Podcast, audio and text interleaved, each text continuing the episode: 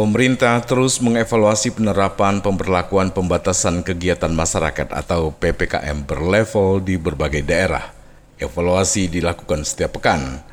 Hal ini tak lain sebagai upaya mempertahankan tren baik penanganan pandemi di tanah air, termasuk di dalamnya antisipasi risiko penularan setelah acara keagamaan atau liburan. Dalam keterangan pers yang disampaikan dari Media Center Forum Merdeka Barat, KPCPEM, juru bicara vaksinasi COVID-19 Kementerian Kesehatan, Siti Nadia Termizi menjelaskan perkembangan terkini situasi COVID-19 di mana penurunan kasus telah berlangsung kurang lebih dua bulan terakhir.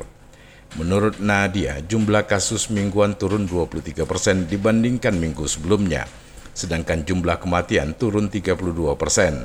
Sementara bed occupancy rate ruang isolasi maupun ICU isolasi tidak melebihi 60 persen, sehingga dapat diharapkan layanan-layanan lain bisa kembali dilakukan dengan mengedepankan protokol kesehatan. Terkait vaksinasi, kata Nadia, saat ini jika dirata-ratakan kapasitas vaksinasi bisa mencapai 2 juta suntikan per hari.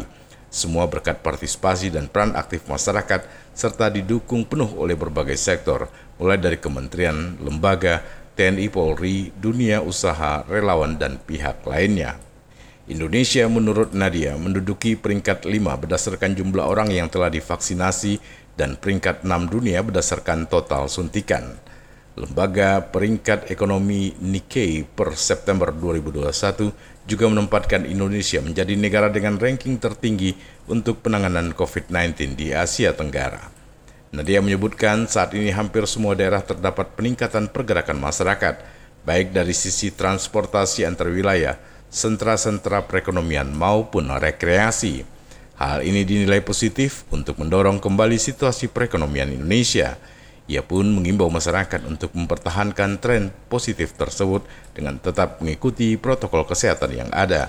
Selain itu, pemerintah juga tengah mempersiapkan dengan matang rencana pembukaan Bali, Batam, dan Bintan menyiapkan skenario jelang libur keagamaan, Maulid Nabi, Natal, dan Tahun Baru. Bahkan sudah ada pedoman penyelenggaraan hari besar keagamaan guna mengantisipasi risiko penularan yang terjadi setelah acara keagamaan atau liburan. Oleh karena itu, mari kita pertahankan terus tren yang positif ini.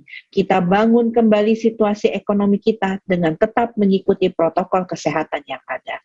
Saat ini, pemerintah juga tengah mempersiapkan dengan matang rencana pembukaan Bali, Batam, dan Bintan.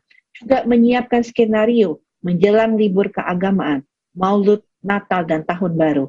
Bahkan kita tahu saat ini sudah ada pedoman penyelenggaraan hari besar keagamaan. Hal ini tentunya merupakan upaya untuk kita mengatasi resiko penularan yang terjadi setelah acara keagamaan ataupun pasca liburan. Percepatan vaksinasi terus dilakukan, termasuk meningkatkan capaian vaksinasi pada lansia dan juga pada wilayah-wilayah aglomerasi pusat-pusat pertumbuhan ekonomi. Pemerintah tidak akan pernah bosan untuk terus mengingatkan kepada masyarakat di seluruh wilayah Indonesia tetap mematuhi protokol kesehatan agar kasus penurunan COVID-19 di Indonesia dapat konsisten dan pandemi ini dapat semakin kita kendalikan sehingga secara berangsur kita bisa menata kembali berbagai kehidupan kita terutama di bidang ekonomi, perdagangan, pariwisata, pendidikan, dan berbagai bidang kehidupan lainnya. Prima Ermat, Tim Liputan Barabas melaporkan.